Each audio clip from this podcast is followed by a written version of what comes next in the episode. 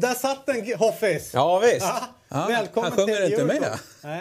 Nej, Nu får du en chans till. chans till. Vad, är, vad är det som händer inne i kontrollrummet? Vi har ju Hoffman här. Stort. Ja, nej, vi tycker det är sjukt stort att du är Mm. här. Eh, och tack för eh, presskonferensen i veckan med tanke på hur usel du är i fantasy just nu. Ja, Oraklet, eh, ett varumärke som är lite kantstött just nu. Ja. Men eh, det har varit tuffa veckor bakom mig, men eh, nu tar vi nya tag till helgen. Vad skönt att det inte var någon Premier League i helgen. Som vi brukar säga, om Ole Gunnar kan sitta kvar kan oraklet sitta kvar. Alltså, det är ju mer att eh, Mourinho får behålla sina jobb med tanke på vad jag åstadkommit tidigare. Ole Gunnar har inte gjort någonting eh, historiskt sett. Nej. Och så, Så. har vi ju eh, Marcello här.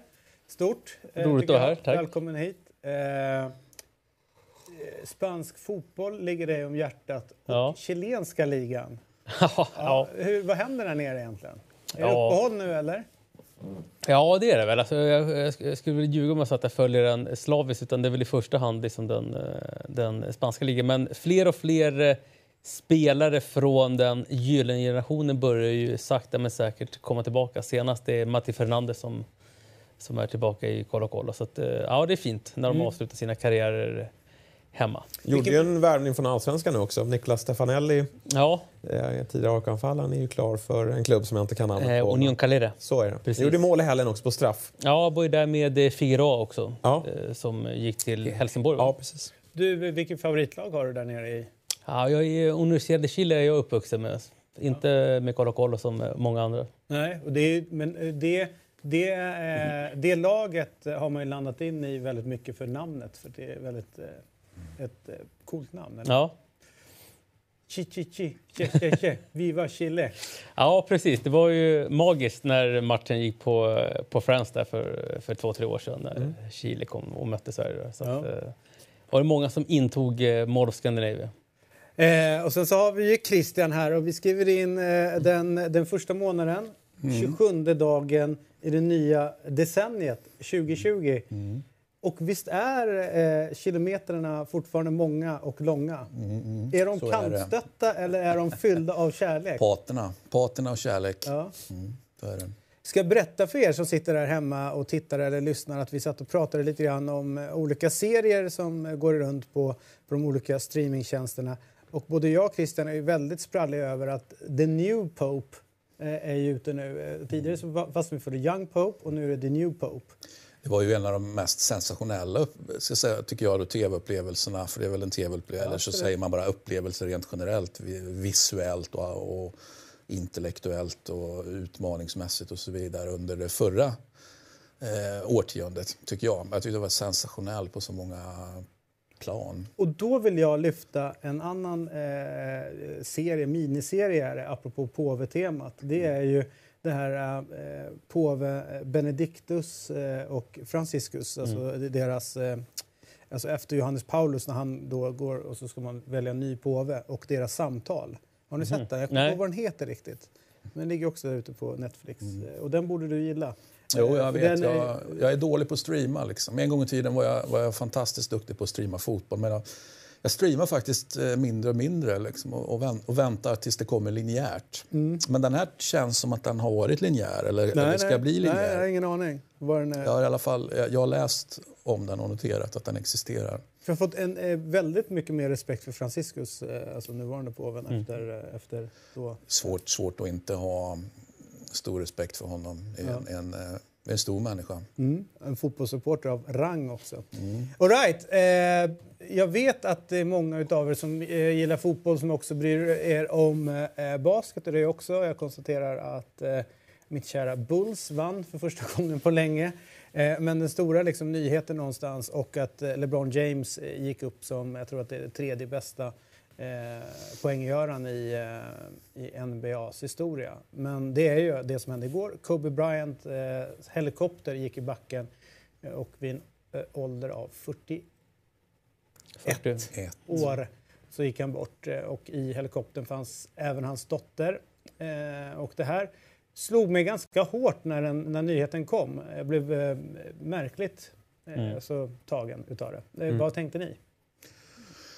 Ja, jag tänkte på att, att den liksom slog ut det mesta andra där. Jag, jag, jag satt ju och, och följde två tunga matcher och så vidare. Sen så droppade den ner någonstans mitt, mitt i det, vid 29-snåret skulle jag vilja säga. Eh, då kom den väl till Europa. Mm. Eh, så att, eh, nej, men jag, alltså jag följer inte basket på det sättet, men jag har ju vänner som är Bröderna Pintus till exempel är ju stora basketvänner. Så att det, det, nog har det pratats Kobe och jag fokuserar lite, lite extra på då hans, eh, han har ju en, en, ganska långvarig italiensk, hans pappa var ju proffs i Italien. Så han är ju uppvuxen, han spenderar ju eh, sju år i Italien. Och, eh, är inte han Milan, jo. Milan eller? Ja, jag, just vad han har gjort fotbollsmässigt, jag tycker att han har gjort lite allt möjligt fotbollsmässigt. Så jag, där, det ska jag inte uttala mig om, men, men däremot så jag säger så här, han kanske har lärt sig spela basket i Italien, känn på den. Mm. I alla fall åldersmässigt så bör han ha lärt sig det ena och det andra. Sen lärde han väl sig det mesta av sin far, får väl ta för givet. Vad tänker eh, Jesper? Ja, men det var ju en smäll, givetvis. Det, jag följer ju inte basketen noga, men det är lite som så här, man har ändå förstått att Kobe Bryant var en av de största. Det är lite för de som inte följer golf, då har man koll på Tiger Woods. Eh, ja, man har förstått att han var en fantastisk eh, basketspelare, men även som person också. Och det sociala medier blir ju ganska häftigt på så sätt när en sån här händelse händer. Och man får se gamla klipp tillsammans med, med dottern. Och, och ja, otroligt rörande och eh, tragiskt. Ja, jag skulle säga att det knöts i magen igår när, när de här nyheterna eh, kom fram och det blev kanske ännu värre egentligen när, när det uppdagades att även mm. den 30-åriga dottern eh, var med. Så att, eh, är oerhört tragiskt med tanke på att han eh, ja, lämnar bakom sig en, en, en, en fru med, med ytterligare barn så att säga. Så att, eh, ja, oerhört tragiskt måste man ju säga. Mäktigt var hans sista match. Mm. Då säger de på skämt, eh, give us 50. Mm. mm. Så 50 poäng. Han mm. gjorde 60 poäng mm. sista matchen. Eh, det är eh, helt coolt. Han var ju... tal och så... Ja, han var ju brutal med, där ett tag med med Shaquille O'Neal. Alltså. Mm. Även om då de kom inte överens, liksom, men de hade ju några säsonger där de var magiska. Mm. Men det är de samtida de, eller? Ja, mm. precis. Jag tänker, för han är ju, han är ju dream team. Men att han Lakers har jag koll på. Shaquille har jag inte så mycket koll på. Jag är inte så förtjust i Shaquille. Men är han liksom Dream Team nummer två? Eller? För han, är ju, han är ju inte... Han var inte med Jordan och nej, gubbarna. 92-gänget är ju inte med. Nej. Utan han är ju... Kom senare. Är ju senare. Som han spelar någon framförallt, tillsammans. Framförallt så är det coolt med honom att han var ju en, en Lakers-fan. Mm. Eh, och sen så, eh, jag tror inte han blev draftad från början till Lakers, men tradad till Lakers. Och eh, fick uppleva liksom allt där. Alltså mm. kräftgång och, eh, mm. och höjdpunkter runt det hela. Så att, eh, men född i Philadelphia, så mycket har jag lärt mig nu. Aha. Mm. Eh, men... Och börja, trots att han var tradad till Lakers, i, i Hornets, vad det mm. nu är för någonting. Charlotte, va? Mm. Ja, ja, ja, just det. Kan det vara. Men eh, det coola med Lakers är ju att eh, alltså om man eh, om man blir stor där och om man liksom erövrar Lakers och liksom vinner med Lakers så blir man ju liksom på något sätt eh, ikonisk. Mm. Eh, och han har ju som, han ägde ju det där mm. under rätt många år. Mm. allt. Jag, har jag fel eller är det så att han avslutar sin karriär? Det, han, det var väldigt mycket snack ett tag, kom ihåg, att han skulle ta en sväng hem till Italien säger jag då, men han skulle, att han skulle avsluta i Bologna och spela. Gjorde han det? Eller? Nej, nej. han la av där. Han, ja. han släppte för, att, för att det var extremt mycket prat om att han skulle köra Det var någonting med skada va? Om det inte var en korsbandsskada eller någon axelskada som men det kan vi väl reda ut. Varför, på väldigt många bilder så spelar du med det här. Är det ett skydd det där han har på högerarmen eller? Ja, det är många som har eh, skydd eh, så och eh, jag vet inte riktigt om det är... Fan vet jag varför man har det. Nej, men jag noterar på en del bilder har han inte det. Sen, sen om det är Zach Lavin har också ett sånt. Ja, det är ett helt vitt på armarna här i helgen. Vad hette han sa du? Ja, men glöm det. I Bulls. Eh, satte 44 pinnar. 10 returer. Sex assist. är det på den där Jordan som... Ja, Bulls, ja. Ja. ja, det måste det vara. och de var för... Fan, du höll, du, höll, höll, du, höll, du, liksom, du höll på de bästa då. Han hade ju skott i Pippen. Du valde Bulls liksom. Han flög. Jag säger bara... Det, bara, det, det räckte med det. Mm. Mm. Nej, men jag... Nej, men alltså, om jag skulle valt de bästa då, när jag, när jag började, då var det ju Lakers, det var uh, Celtics, de var, var Lakers på 80-talet med Pat Riley som coach. Hur cool var inte han då? Ja, och uh, Magic och, och, så vidare. Uh, och sen så var det ju uh, Celtic som var jättebra. Knicks var väl också helt okej med ja, Pat Ewing? blev lite senare, men just ja, där var det ju Celtic Rangers, Lakers, Celtic mot Lakers. som var de stora, som gick mot varandra. Och sen så kom ju... eh, Och sen så hette Och så då- gled ju Utah Jazz in och Ja, gjorde Ja, sin grej. precis. John med John Stockton. Stockton och... Eh, eh, Basketens John. Malone, Ja. the main Postman. man. Ja, Ja, the main main man. man. Always delivers. så jävla bra. är Känslan var ju att han var 1,60 Ja, Stockton. Stockton. men- Han är Ja. 1,80 Ja, någonting. Vilket är Betydligt längre än vad vi Då är. förstår man ju hur långa de andra gubbarna är. Men nu står det still i huvudet. Vad hette de? De som liksom kom upp där och var...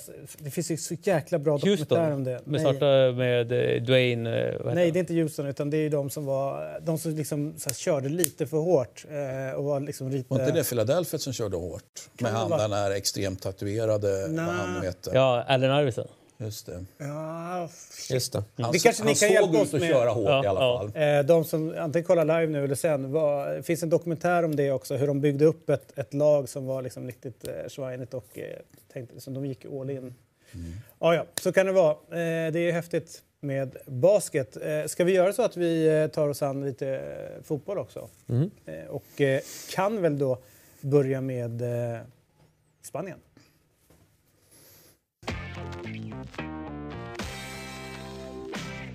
Där eh, får vi inte säga den stora matchen i helgen var den mellan eh, Valencia och Barcelona. Eh, och eh, 2-0. Eh, och jag vet inte riktigt vad du ska säga om den här matchen. Det finns väldigt mycket att säga om matchen. Ja, men det tycker jag. Eh, Jag tycker väl någonstans att eh, Barcelona såg ut som fram till sista tredjedelen egentligen som väntat eh, i förhållande till hur Kiki Setien driver liksom sin, sin fotboll med ett stort bollinnehav och många kortpassningar, många kombinationer. Eh, tycker någonstans att, eh, att de är ju ruggigt ineffektiva. Det såg vi redan under, eh, i Real Betis under Kiki Setien. Men det jag kan tycka i många lägen av Barcelona, så när de får chans i sista tredjedelen så söker de på automatik Messi. Alltså med en sista passning. När de har liksom så här rena skottlägen. Eh, så det finns ju två, jag tror någonstans två aspekter att se lite i den här matchen. Det ena är ju vad Ba- Barcelona behöver. Eh, de behöver agera nu under, under fönstret, eh, tycker jag. Eh, det pratas om Rodrigo Moreno från Valencia för den, för den delen. Sen läste jag någonting om Ben Yedder från, från Monaco. Vet inte riktigt om det är sådana spelare de behöver, men vad vet jag? En simpel amatör här på, på soffan, men, eh, eller fåtöljen. Eh, Och sen å andra sidan så tycker jag också man kan se matchen ur ett Valencia-perspektiv där de faktiskt gör en väldigt komplett match rent defensivt och eh, trycker ner Barcelona, eller låser Barcelona väldigt bra. Eh, nu saknar de Dani Parejo, vilket jag tror inte var en nackdel för de hade både Coquelin och eh, Kondogbia som egentligen var majestätiskt på det centrala mittfältet. Men gud vad de sprang och, och löpte och täckte upp ytor. Vilket Dani Parejo inte hade gjort. Varför inte lösningen Griezmann? Det funkar liksom inte att få in honom centralt och spela Fatih vänster eller... Ja, alltså som det har sett ut nu, eh, de här två, två tre matcherna inklusive kuppen så är det lite mer, om man tittar på den här laguppställningen där, så är det så det ser ut i, i eh, där Artur och Alba som ska byta plats där. Men då vrider de upp egentligen vänsterkanten med Alba. Så att eh, de har en på varje kant i yttre korridor, Ansu Fati och, eh, och Alba. Eh, sen i försvarsspelet så vrider de ner och så kliver Griezmann ner ut på vänsterkanten så det blir ett 4-3-3 eller ett 4-1. 4-1 i försvarsspelet. Då. Men en bra fråga. Så någonstans... Griezmann, alltså det, det vills inte. Liksom, det Nej. vill inte lossna. Liksom. Jag, jag kommer ihåg när Barcelona värvade in eh, Fabregas från, från Arsenal. Bara, Wow, de, de behövde få in honom, tyckte de där och då. Eh, Men du tyckte inte att det var en wow-värvning? Nej, men det tyckte jag inte. Nej. Men, men jag tyckte ändå att ja, men fan, du vet, man är så lite sentimental. Ja, men det är klart att han ska hem igen och så. Jag är lite liksom svag för sånt. Men någonstans så var han inte liksom teknisk nog. Alltså Griezmann är ju en teknisk spelare, men för mig, jag tycker han ser kantig ut i Barcelona. I ett Atletico Madrid, perfekt. Men, men liksom i Barcelona så krävs det precis som med, med Fabregas då, alltså det är en nivå till liksom i det här bolltouch och så vidare. Som jag tycker, ja, och någonstans så... Man kan ju undra om tröjan är för stor. Men sen spelar de inte den fotbollen heller som passar Griezmann. Alltså om Nej. man kollar både i landslaget så är de ju mer eh, runt eh, Deschamps Mm. så är det inte liksom att de hela tiden ska vara bollförande på det sättet Mm. utan de kan ju faktiskt eh, med fördel ligga ganska lågt och sen ställa om. Då är Griezmann helt perfekt. Eh, Atletico de Madrid var ju samma sak. Även fast de var ett topplag så agerar de aldrig till att, liksom att det här med possession, verkligen dominera och äga matchbilden på det sättet. Utan då var det liksom ett instick han, han drar. Liksom. Nu de, de möter så ligger motståndarna extremt lågt som Valencia till exempel. Och då är det ju andra färdigheter än det Griezmann har. Så att det är liksom, de har köpt honom och sen så trycker de in honom i ett system där jag inte tror att liksom, man får ut det bästa av honom. Nej, och sen är det lite som du är inne på, alltså kanske rollen. Alltså vad har han för roll? Om man tittar när han var som bäst i Atletico Madrid, när han är bäst i franska landslaget, då har han ju två kanter på utsidan och så har han en, en, en nia. Antingen spelar han som en och två lite släpande eller så spelar han som, som renodlad tia. Eh, den rollen finns ju inte i Barcelona på samma sätt. Utan det är kanske när de flyttar upp och han hamnar som bredvid Messi här. Eh, men eh, ja, det vill inte... Men skulle man inte kunna tänka sig att, eh, för, för det som har varit väldigt framgångsrikt i, i Barcelona genom alla tider, om man backar band, det är ju att när de har en nia som verkligen går, alltså sträcker motståndarna, eh, så brukar den personen få ganska eh, bra eh, utdelning på det man gör. Suarez är väl kanske det bästa exemplet på det. Nu när Suarez är borta, kan man inte säga till Griezmann okej vi vill att du ska göra exakt det här jobbet. Du ska springa, du ska gå, du ska sträcka motståndarna, du ska vara inne i boxen hela tiden, du ska inte vara någon annanstans. Men, eh, alltså, Nej, det, det, det är ju en eh, parameter. Vi får även komma ihåg att de har haft Messi som nia några gånger men då hade de yttrarna som hela tiden löpte i, djupled med Pedro och eh, David Villa. Och det är lite den rollen som han måste anamma, alltså droppa prestigen lite. Men sen vet vi inte återigen vad de får för taktiska instruktioner från tränaren och vilka roller. Eh, men Griezmann är en del av problemet. Jag tycker någonstans så är det ju att mittfältet är inte tillräckligt bra någonstans eh, för tillfället. Vem är det som inte, inte håller då, tänker du? Eh, Rakitic i första hand tycker jag. Mm.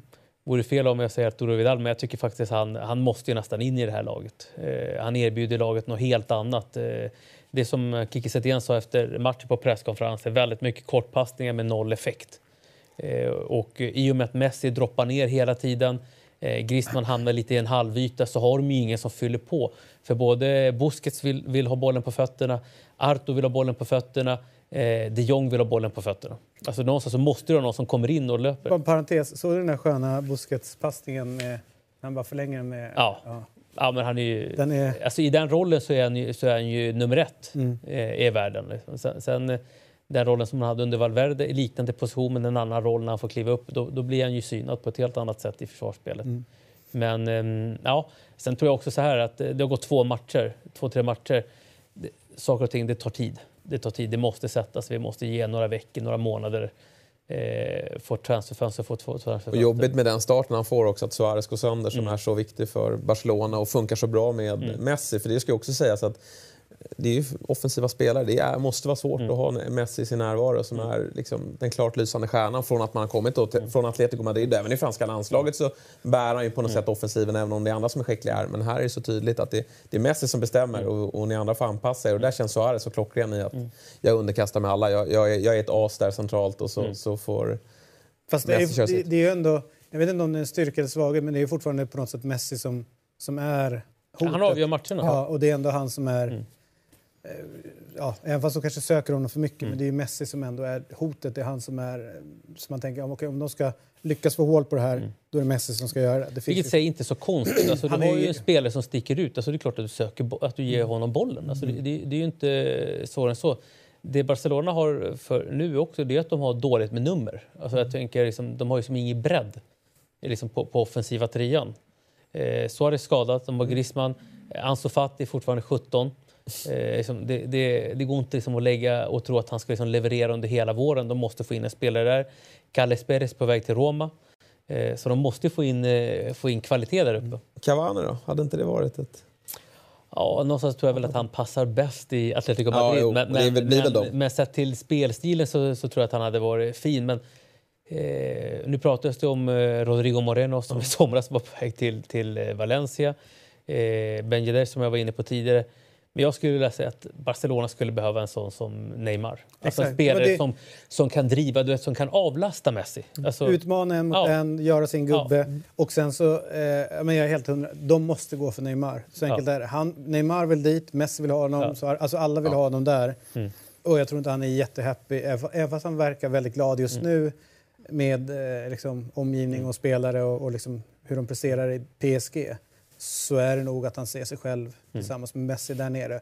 Plus att, som vi har sagt tidigare, det är en situation snart när Messi kanske behövs fasas ut. Mm. Då behöver de den här mm. stjärnspelaren mm. igen och då, då tror jag mm. att det är Neymar som är perfekt. Jag... Men låt, låt oss inte mm. fastna för mycket vid, vid, vid Barca utan Nej. Valencia lite grann tycker jag. För att hur man än vrider och vänder på det så är det på Mestalla med, med den här publiken, den här toppmatchen och det är 2-0. Liksom. Det, det, säger ändå någonting om Valencia. Mm. Eh, det är inte bara att liksom, det är Barcelona som är dåliga. Nej.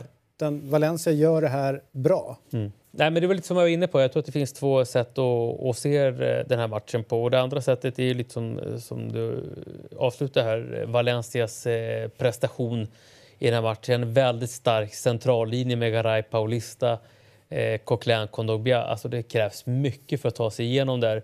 Eh, där gästerna inte eh, tydligt var, var tillräckligt skickliga för att eh, flytta på dem. Kondogbia tycker jag liksom var MVP i den här matchen trots att Maxi Gomes gör sina, sina två mål. Men som man täcker ytor, tar ner bollen, lugnar ner, ger paus. Sen har, har de två egna produkter på kanten. Jag tänker Soler och mm. Ferran Torres. Ferran Torres som jag verkligen gillar, fått sen, eh, ja. Sin explosion här under hösten i och med att eh, Guedes har varit skadad. Eh, och som han flyger. Alltså. Som mm. han flyger och eh, skulle inte förvåna mig om han kommer med kanske som, som en joker till sommarens eh, mästerskap. Mm. Eh, men eh, hatten av för, för, eh, för Celades. Albert Celades, för de som inte kommer ihåg, som var kom fram i Barcelona när spelade, var en ganska medioker spelare. Ska man ändå, alltså, sådär, liksom, var inte tillräckligt bra. Gick, allt är relativt. Allt är relativt. Du sitter bredvid Jesper. ja. Men gjorde också sessioner i Real, Real, Madrid och även i Celta Vigo. Men, men eh, eh, bra coachat. Liksom. Förstod att eh, inleda matchen lågt, kompakt. Eh, var sekvens under matchen där försvarsspelet eh, flyttades upp 15-20 meter. Eh, har en djupledsgående forward i Gaimero, en bollmottagare i Gomes eh, ändrar runt 60 får in Rodrigo Moreno mot Gamero, två bollhållande för där var de tillbakatryckta. De behövde ha två spelare som var referenspunkter där uppe, kunde hålla emot, få upp laget. Så att, eh, ja, hatten av, jag tycker han var, läser av den här matchen fantastiskt. En coachseger alltså? Ja, och mm. eh, han har fått mycket skit, eh, Selades, men har fått jobba i lugn och ro. Hur, hur liksom skiftet var mm. på tränarposten så var ju alla så vad är det som händer? Varför, ja. varför gör ni det nu? Varför har det inte kommit tidigare? Och så vidare. Så att, eh, klubbledningen gör, har gjort, trots eh, att de fick mycket kritik när mm. de kom in, så har de ändå gjort ganska mycket rätt. Mm. Man, det är inte ofta man hör berömmet utan det är väl snarare varje gång det, mm. det görs något dåligt runt det hela. Ja men så är det och jag tror att eh, eh, gör Valencia eh, det är klokt här i några två transferfönster framåt och då tänker jag den här sommaren och kanske nästa januari så får vi, tror jag att vi får se lite där de har varit tidigare, alltså det Valencia vi kommer ihåg som är med eh, i Champions League säsong in, säsong ut och, och är med och nosar på, på eh, och är liksom den här finnen i, i ögat mm. gentemot eh, de två stora drakarna Real Madrid och, och, Barcelona i större utsträckning än vad de har varit senaste sju, åtta åren. Väldigt roligt med ordspråk. Jag är precis som du väldigt dålig på dem. Eh, alltså man säger, eh, att man säger fel. Ja. Och då börjar du skratta. Vadå fel? Jag bara tyckte det lät obehagligt med film i ögat.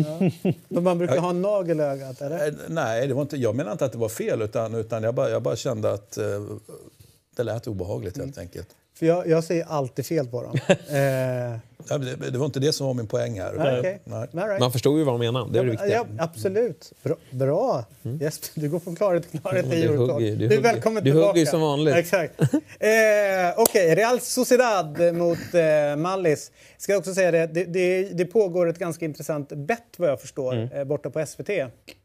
Där expert Nanskog har sagt att Eh, Alexander Isak gör aldrig mer än max 7-8 mål medan eh, projektledare eller chef numera, eh, en av de högsta där, Max Bursell säger att han kommer göra eh, 13 mål. Eller, ja, ja, den här 14, säsongen. Den här säsongen då. Mm. Och nu är han väl uppe på fem kassar tror jag i ligan. och det är omgång 17 som mm. spelats. och, eller om det är 17 matcher kvar.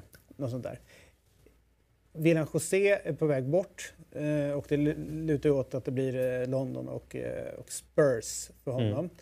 Eh, och då kommer ju chansen dyka upp allt mer för eh, unge herr Isak att spela sin fotboll. Så att eh, du då som är expert, vem Ja. vinner detta bett? Eh, ska jag vara så här, politisk så hamnar vi någonstans mitt emellan. Kanske gör tio kassar. Sluta nu. Jag Nej, men till tänkte faktiskt säga, Det- alltså, man har ju den feelingen. Ja. Alltså, och det tror Eh, jag och det hade varit skönt då, eh, förmodar jag, för alla som då älskar Isak där ute, om man självklart kunde säga att ja, men han kommer, ja, men om man får spela ännu mer så ja, men då gör han 15 och bortanför. Liksom. Men känslan är ju att han gör inte det. Och hade man fått höra det på förhand inför säsongen så hade ju det varit otroligt bra. Gör han tio mål så är det ju ett, alltså, en riktigt, riktigt bra säsong för honom. Eh, sen beror det på, återigen, vi vet inte vad som händer i kulisserna. Värvar de in en ersättare? Eller liksom tar de, lyfter de upp någon från, från eh, eh, reservlaget eller B-laget? Eh, och så. Sen tror jag liksom att det har varit nyttigt för Alexander Isak i det här fallet att, att få vara andra gubb och inte ha den här pressen. William José är ju en etablerad liganfallare som är nummer ett. Men det blir också en liten förändring i Sociedads sätt att spela fotboll med Alexander Isak kontra Vad William tycker José. du det blir för skillnad på deras sätt? Ja, men det, jag tycker man märkte det lite i, mellan första och andra halvlek igår. Första halvlek så spelade Real Sociedad de är riktigt, riktigt bra mellan straffområdena eh, i det korta passningsspelet där Ödegård är den som, som drar det där anfallet. Liksom. Men mycket det, hur de sätter upp bollarna på Alexander i första halvlek är mycket på kropp. Och där är han ju, trots sin storlek, eh, och då tänker jag på längd, eh, ganska begränsad tycker jag i det felvända spelet. Utan han är ju bättre när han får bollen på fötterna. Och där är de, skruvar de till det i halvtid att nej, det är inte William José som spelar utan vi måste spela mer kombinationsspel, mer i djupled på honom så att de får nyttja liksom, hans löpförmåga och skickligheten på att eh, kunna Läsa, löpa ja, in, löpa in, och, eh, in bakom backlinjen och ta in sticken. Och det gör de bättre i andra halvlek och det genererar också i ett, i ett mål från honom. Så det är liksom den stora skillnaden. Spela på kropp, spela på fötter. Eh, William José kontra Alexander Isak. Hur bra tycker du att eh, Sociedad är? De, de flög ut i början av säsongen.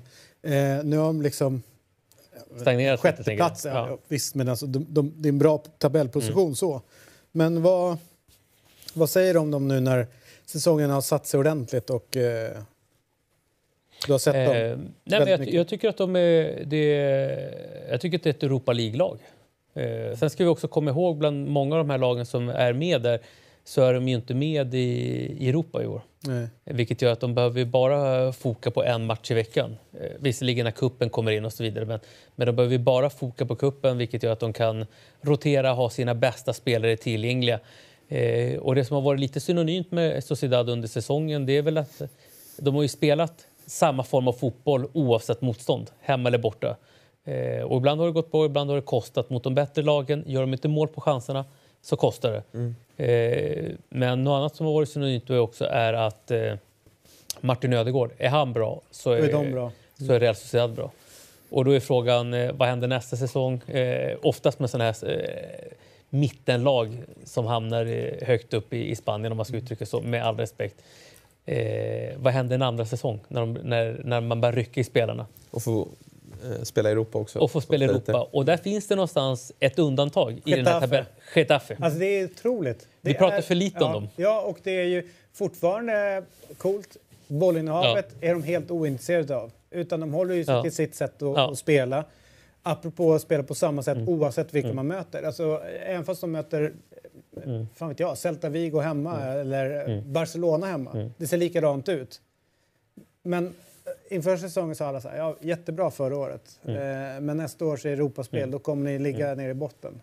De ligger, det är exakt samma Ja. säsong igen. Alltså det, det är sån överprestation, eller ska vi säga överprestation? Eh, Det är, Man kan alltid diskutera när slutar överprestationen Ja. Ja. egentligen. Det är väl samma. Och, De är och, och i det här läget Ja. brukar vi då jämföra dem med Atalanta som Ja, också... det gjorde vi i bara- fjol, ja, precis. Man bara väntar och väntar och väntar på att det ska komma igen nu då. All fotbollslogik, allting Mm. vi har lärt oss säger att det här ska gå neråt. Och så gör det inte Det är ju ju bra för klubbarna. Alltså, men det är under pågående säsong. Man minns Leicester liksom. när alla bara det händer, nu händer, nu händer. De stärks ju av som grupp också. Så att det, är, det är bara att låta folk snackar på så fortsätter vi med vår grej ute på plan. Nej, men just, alltså, alltså, om man drar liksom en parentes till lite andra klubbar, liksom, som Barcelona som plockar in Coutinho och eh, Griezmann, liksom två sådana här eh, på förhand som man känner att ja, det här är styrelsevärvningar liksom, som inte riktigt passar in liksom, i modellen. Getafe, precis tvärtom. Men vad plockar de in? Nu plockar de in Daverson, en, en anfallare som har varit i Spanien tidigare, en brasse, liksom, nästan 1,90. Ja, men passar perfekt som en av två forwards. De vet ju precis vad de ska ta in. De tog in Cucurella i somras, eh, som hade en jättefin säsong i Eibar, vänsterytter. Jo, men de vill ha en vänsterfotad vänsterytter. De spelar ett 4-4-2 enkelt. Ut med bollarna, in i straffområdet, bra på kontringen. Det behöver inte vara svårare än så. Så någon jävel där inne som kan Ja, nicka in den. precis. Ja. Eh, precis, Jaime Mata eller eh, Molina för den delen som är liksom två resliga herrar. Så att, eh, eh, hatten av för eh, Bordalas som eh, återigen ser ut att ta- det här laget till en Och hur mycket har vi inte pratat bra om honom, placering. Christian? Jag har ju pratat om honom precis hela tiden och, och, och Martin vill ha honom till Everton och allt. vad- Eller hur är det nu? Ja, jo, han vill ha dem till alla kl- klubbar i England som inte går fullt ut. Jo, men Martin, bör, Martin börjar ju få liksom, eh, alltså vi får ju ett sånt jättetest nu bara för att vi har sett igen i Barcelona. Alltså Martin sa ju det för typ två år sedan eller ett och ett halvt år sedan att det vore ju en, takt med att han blev allt mer förtvivlad Mm. över att Valverde, att det inte såg bra ut det där. Och då landar man ju i Setien, kanske med din hjälp. Då, liksom. så att, men nu får vi verkligen ett sånt här test. För själv, själv brukar jag vara väldigt så här, försiktig med att önska. Va? Men, ja, men vad vill du ha för tränare? Eller liksom, till exempel, vad vill du ha för tränare i Arsenal? Allt det där. Oh, oh. Det är en mardröm när det sker nu för Åslund för nu blir han ju avslöjad. Ja, men det här är så, Han vill ha är igen ju- till Barca, eller? Ja. ja. Vad sa du? Han vill ha sitt igen till Barcelona. Ja, ja, han, han, var, han, han har ju suttit, han, han har ju suttit och skrikit i den fåtöljen om, om Setien. Liksom, att den enda som kan gå in och under en period och spelmässigt eh, rädda liksom, Och allting DNA. handlar om att vem kan, vem kan på något sätt upprätthålla DNA tills Xavi kommer tillbaka. Det är ju någonstans det Ja, men som är han, den stora grejen. han har ju en poäng i det. Ja. det eh, så är det ju. För att de, de faller ju tillbaka till hur inom citationstecken Barcelona ska spela fotboll. Alltså li- lite så som det har sett ut sedan många, många år tillbaka. Sedan Ja, och det är ju 90-talet. så vi vill att det ska se ut Ja. också. Eh, och jag tycker det blir jättespännande att se här. E- Egentligen längtar jag efter att Bordalas försvinner från Getafe, fast det gör jag egentligen inte. Han får jättegärna stanna och liksom ha ett strålande så att säga, framtid där. Men jag gillar ju det där testet man får. Okej, då tar vi och byter tränare nu då. Och sen, eh, nu har de, bytte de ju un, under brinnande säsong, eller det var ju slutet på förra säsongen, de bytte sportchef. Så de har ju liksom ändå fingrat, man ska försöka plocka ut det där. Vad är egentligen framgångsfaktor nummer ett? Eh, Jag försöker ju alltid titta ett steg ovanför Bordalas då, så att säga. Men, eh, men sportchefen försvann ju bevisligen. Kanske är det så säga, icke-tryck som ändå är i Getafe. Menar, det är på ett sätt jättejobbigt att spela fotboll i Getafe men det mentala liksom, trycket, pressen på att ni ska bara tokleverera hela tiden. Det är klart att inte det existerar. Men alltså för att folk bara ska förstå, det här är en liten kvartersklubbs Ja. eh, liten eh, historia vi har att göra med. Eh, jag vet att eh, vi gjorde ett internationellt fotbollskväll, alltså fotbollskväll internationell fokus då. Eh, och eh, vi skickade Kristina Kapelin till Getafe. Eh, För liksom att, vad är det här för udda fågel som ändå lyckas flyga som kan vara, vara uppe i, i högsta serien? Och det, när, när vi pratade med henne efteråt, hon var ju så det, det här var ju så att komma till en småklubb. Du vet, eh, helt plötsligt kommer någon och öppnar dörren, så här, men det, det var tränaren som, som, som var ute och snurrade. Liksom, så här, men välkommen in. Liksom, så här, om jag ska träffa tränaren, ja, men det är jag. Liksom, så. Okej, vad, vad märkligt. Alltså, det, Ja. det, var, det var som att komma till en division 2-klubb liksom, där alla gör allt ungefär. Nu är det klart att det är mer Det är utvecklat så. också. Men allting var litet eh, och liksom man högg i där det behövdes och, och eh, där supportrarna var väldigt nära, eh, för de var inte många. Utan det var liksom så här, "Okej, håller du på Getafe? Men för fan, då får du, får du vara med här. Liksom, många bäckar små ungefär. Eh, och, och under många år så var det liksom ner upp. Liksom så. Eh, Sen ska vi komma ihåg att de har ju haft nu- en, en, en period av, av ändå stora framgångar tidigare då med Schuster och, och Mitchell var väl också... och Laudrup. Men det är ju- Så att, jag menar, det är några år sedan. Liksom. Det är Ja, några år 10-15 sedan, år men det, har ändå, det, det är också ett bevis på att det, att det går att leverera där. Och jag tycker, det är klart, eh, Jo, att, gillar jag- jo, att det går att leverera är en sak, men klubben som sig har ju inte växt på det sättet. De har inte växt supporterskaramässigt. De har inte växt, liksom, dragit den på sig för många skott, eh, kostnader och, och liksom på något sätt utökat kostymen och blivit den här giganten. Eh, så. Utan de har ju liksom, det finns en Ja, familjär känsla Ja. runt, runt det hela. Och med det sagt så borde, med tanke på närheten till Madrid också, så jag menar, det är klart att det bör finnas spelare som inte riktigt platsar i de stora Mm. Madridlagen. Som är bara jättefina fotbollsspelare. Så att mm, njuter man av frukterna där och gör det smart. Mm. Så nu, nu har jag ingen uppfattning om huruvida det är många rejects helt Mm. enkelt från, från Madridklubbarna. Men det borde kunna f- fungera så att man, man, man För problemet är också just eh, fanbasen är ju, och du nämner ju det, liksom deras närhet eller att det är ett Mm. Madrid-lag på, på det sättet. Så är det Real tar ju mycket, Atletico tar Mm. eh, extremt mycket. Och sen är det så att de som inte håller på något av de lagen landar in i, i andra större lag runt omkring. Alltså att man flyttar in Mm. Och Rayo. Och, Rayo. Och så har man. Getafe där liksom ingen liksom, ja, men det blir inte över. Det, blir, alltså det, det är fullt. De, andra, de håller på sina lag runt omkring. Liksom så. Så att det, eh, ska man säga BP? Typ? Fast ändå, alltså, ja, precis. ungefär ja, jag liksom förstår, jag så. förstår jämförelsen. Ja, li, lite åt det eh, hållet kanske givetvis då, minus en, en, Ja. eh, Minus en fungerande akademi. akademin. Då. Men, right. men ur det perspektivet så absolut, spelar ju lite av en sån här Diego Simeone-fotboll om man ska uttrycka sig så. då. Eh, Real Madrid eh, vinner med 1-0 mot eh, Valladolid eh, och eh, har nu tre poängs försprång i toppen.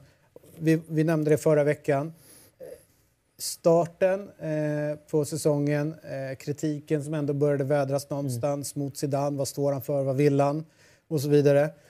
nu börjar det ju liksom det vändas, inte bara här utan även nere i, i Spanien. Snacket om honom som tränare och eh, nu den här eh, att han är talang, eh, alltså den bästa scouten ungefär för, eh, för de spelarna han hittar runt omkring. Och inte bara eh, som, som tränare utan även när han var eh, spelare. Så gick han runt och sa liksom, ja, men den här borde ni plocka, det, är- det, är, en bra, det är en bra spelare. Och även till franska landslaget så var han på liksom, plocka in den här fortfarande så undrar alltså det finns ju fortfarande ett frågetecken kring honom och vad han står för för typ av fotboll egentligen. Men resultaten kan ju man aldrig sätta någon frågetecken kring. Alltså det, det är det här som är det, det det här han blir liksom ett, någon form av enigma, denna Zidane. Alltså på något sätt hela hans personlighet den Han är ju lite lätt även hans, enigma, ja, eller jag hur? menar, och blir liksom, tränaren blir också en enigma utav det hela. Och eh, även detta Real tycker jag är en enigma liksom så att vad, liksom, nu är Isco in och kör liksom så eh, och Valverde som man fiskar upp från något ställe och allt det, det ja, men jag tycker det är häftigt att se. Det man kan är, väl säga så det här är svår, de är svårlästa. Ja, så är det ju. Och, eh, eh, spelet i sig eh, är ju inte eh, kanske det bästa. Liksom. Men han har ju, tycker jag, en, en, eh, hans, han har en ganska tydlig spelidé, tycker jag. Och det är att vinna fotbollsmatcher. Det är hans spelidé. Fotbollsmatcher ska vinnas. Sen eh, om det krävs att vi backar hem och, och kontrar, så gör vi det. Har vi möjlighet att ha ett större bollinnehav så, så gör vi det. Sen är han ju skicklig på på att laborera med utgångspositionerna på, på spelarna. Just Isco, ska han börja som tia, ska han börja som vänsterytter, ska han komma in och så vidare. Det, det, det tycker jag kanske är hans eh, största förmåga. Men eh, eh, jag tycker liksom, eh, det, det, här, det är ju en, det är en världsklasstränare. Jag tycker inte att det liksom, eh, går att ha no, no, no, några frågetecken kring honom. Fan, han tog ju tre raka Champions League. Alltså, det är ingen annan som har gjort det. Liksom. Spelidén, vinn fotbollsmatcher, det, det är hans... Eh, och sen, eh, precis som Guardiola tidigare någonstans, så gäller det liksom att träffa rätt. Alltså man kommer, han kommer in i ett lag där spelarna pikar.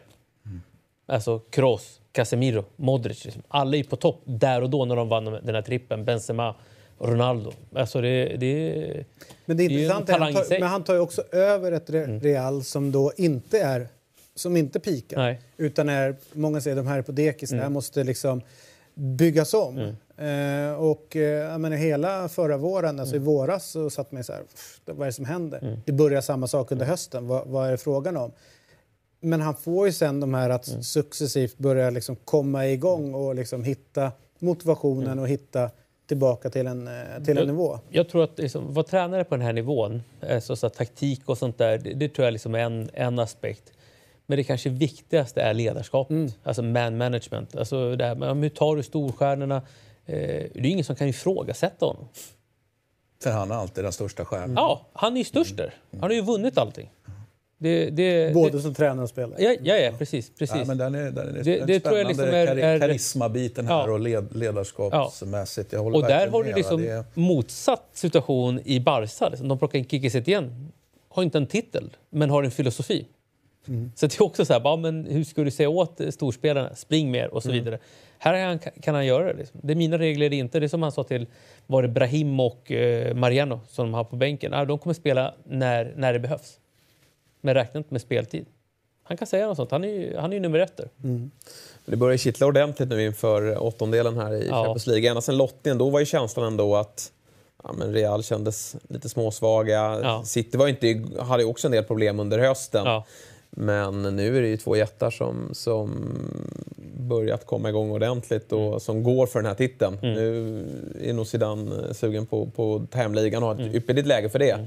Men eh, det här är ett riktigt stort möte och jag är jäkligt glad att det blir två matcher av det. Eh, där känns det ja, alltså det kommer ju bli Det ska bli så häftigt att se. Där känns det som att eh, bara, bara en känsla är ju att eh, City har mer att förlora. Mm. Absolut. Det, han, får ligan, inte, han får ligan inte förlora. Är, ligan är avgjord ja. i England. Eh, han måste ju ha en, en tung titel. Mm. Eh, Zidane har inom citationstecken råd, även om han givetvis inte vill, tolka mig rätt, Eh, han har ju praktiskt taget råd att kunna förlora en sån match för att han, ja, ja. Liksom, då, då, lägger han ju all krut på ligan. Han har väl aldrig... Han, alltså, han har ju vunnit Champions League alla ja. säsonger han har ställt upp. Mm, han har inte vunnit ligan med alla liga? Jo. Gjorde han det? Ja, en, en, ah, okay. ja.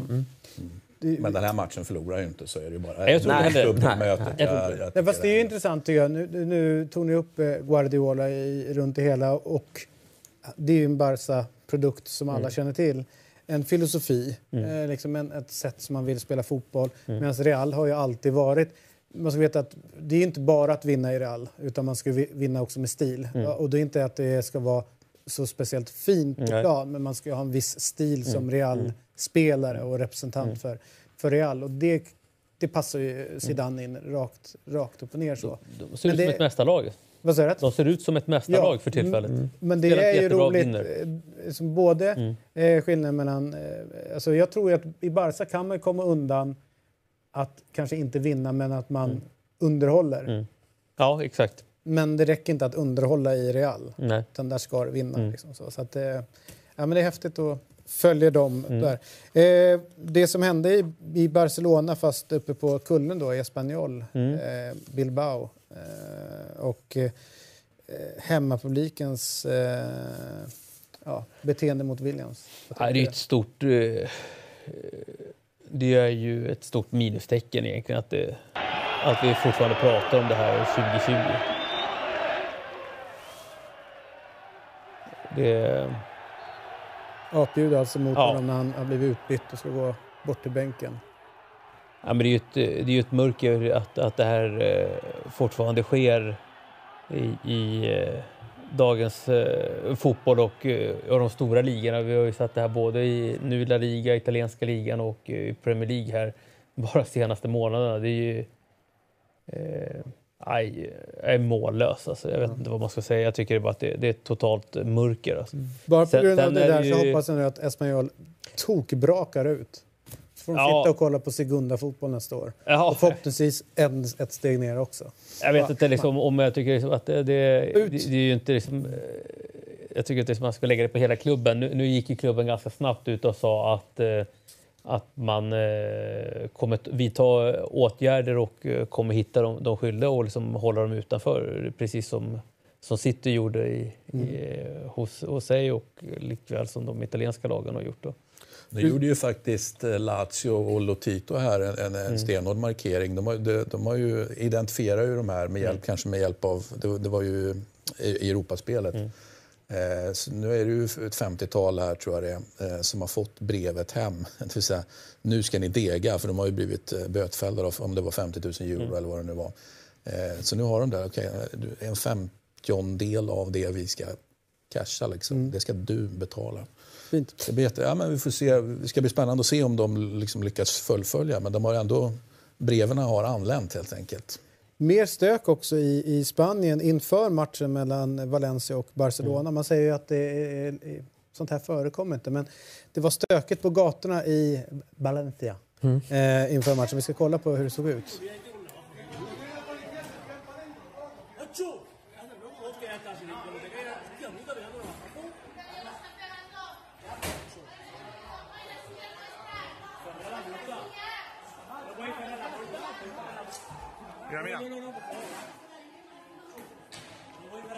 Eh, nej, jag skulle inte säga att det, att det är jättevanligt, eh, faktiskt. Det, det, nu var det precis som du sa, ultrasen från, från båda klubbarna som, eh, som rök samman. Men det, det är sällan man läser och hör om sånt här i, i Spanien. Så jag skulle inte säga att det är vanligt alls. Nej. All right. Härligt. Bra surr om Ja. den, eh, den vackra fotbollen ifrån Spanien. Nu ska vi ta oss till eh, Jespers får säga, hem, hemmaplan. Eh, lite mer lager, lite mer eh, stökigt väder, lite längre bollar. Och lite England. mer avgjort. Ja, lite. Eh, I England då så har det varit en, en fa Cup-helg. Eh, och... Eh, I midweek så måste vi prata om eh, den eh, jäkligt viktiga matchen som ändå var någonstans mellan eh, Wolverhampton och Liverpool. Var någonstans Liverpools näst svåraste Ja, match sett till liksom, det som är kvar. Ja, Sen är de ju City också. City borta blir väl den stora nöten. Liksom. Den, där, där kan förlusten komma. Men i övrigt så är ju känslan nu. Sen kan det ju vara att de inte är påkopplade i någon match mot ett sämre lag. Att de, de trillar dit eh, när de gör sina mindre bra insatser. För det har de gjort ganska mycket under den här säsongen. Men de lyckas ändå gräva fram de här segrarna. Men det här kändes på förhand som en väldigt tuff match och det blev det också.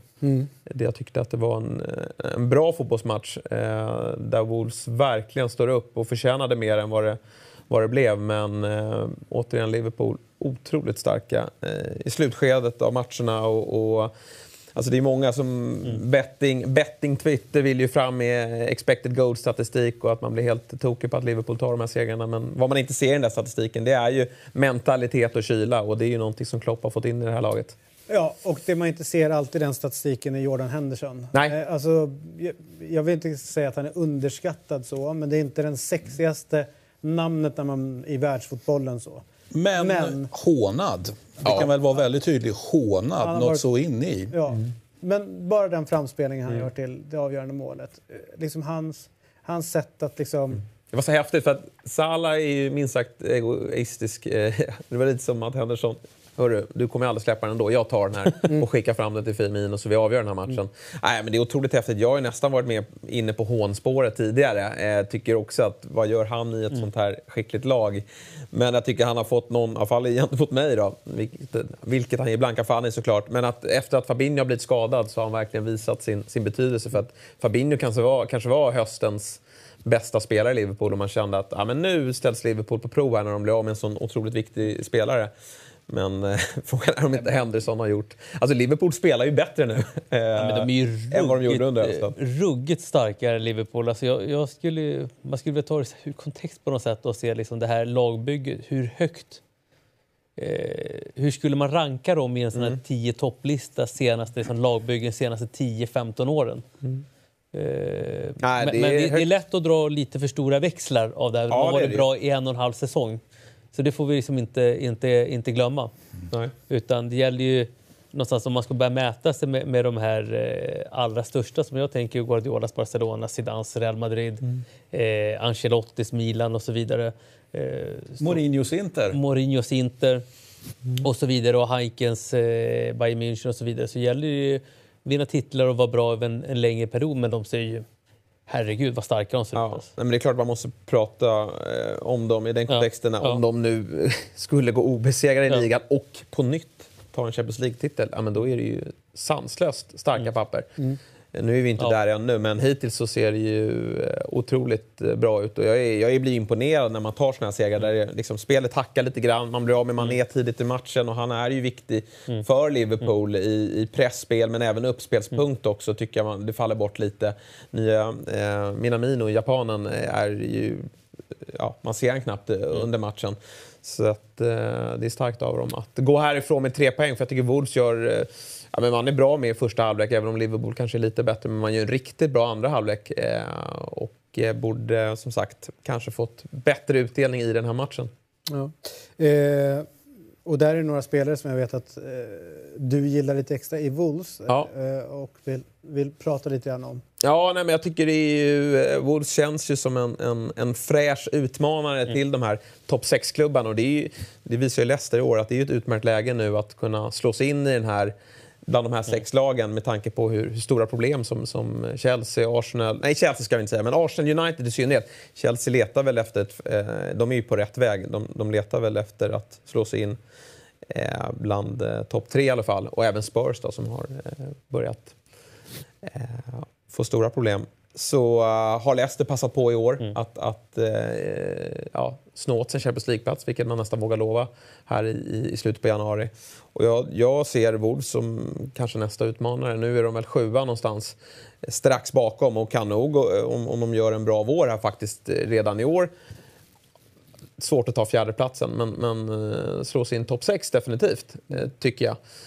Och det är imponerande vilket, ja, att man har fått behålla en, en, en bra trupp, men eh, även, de var ju bra i fjol eh, och visat att de kan rå på de här jättarna. De har ju plusstatistik mot Manchester City sedan de kom upp.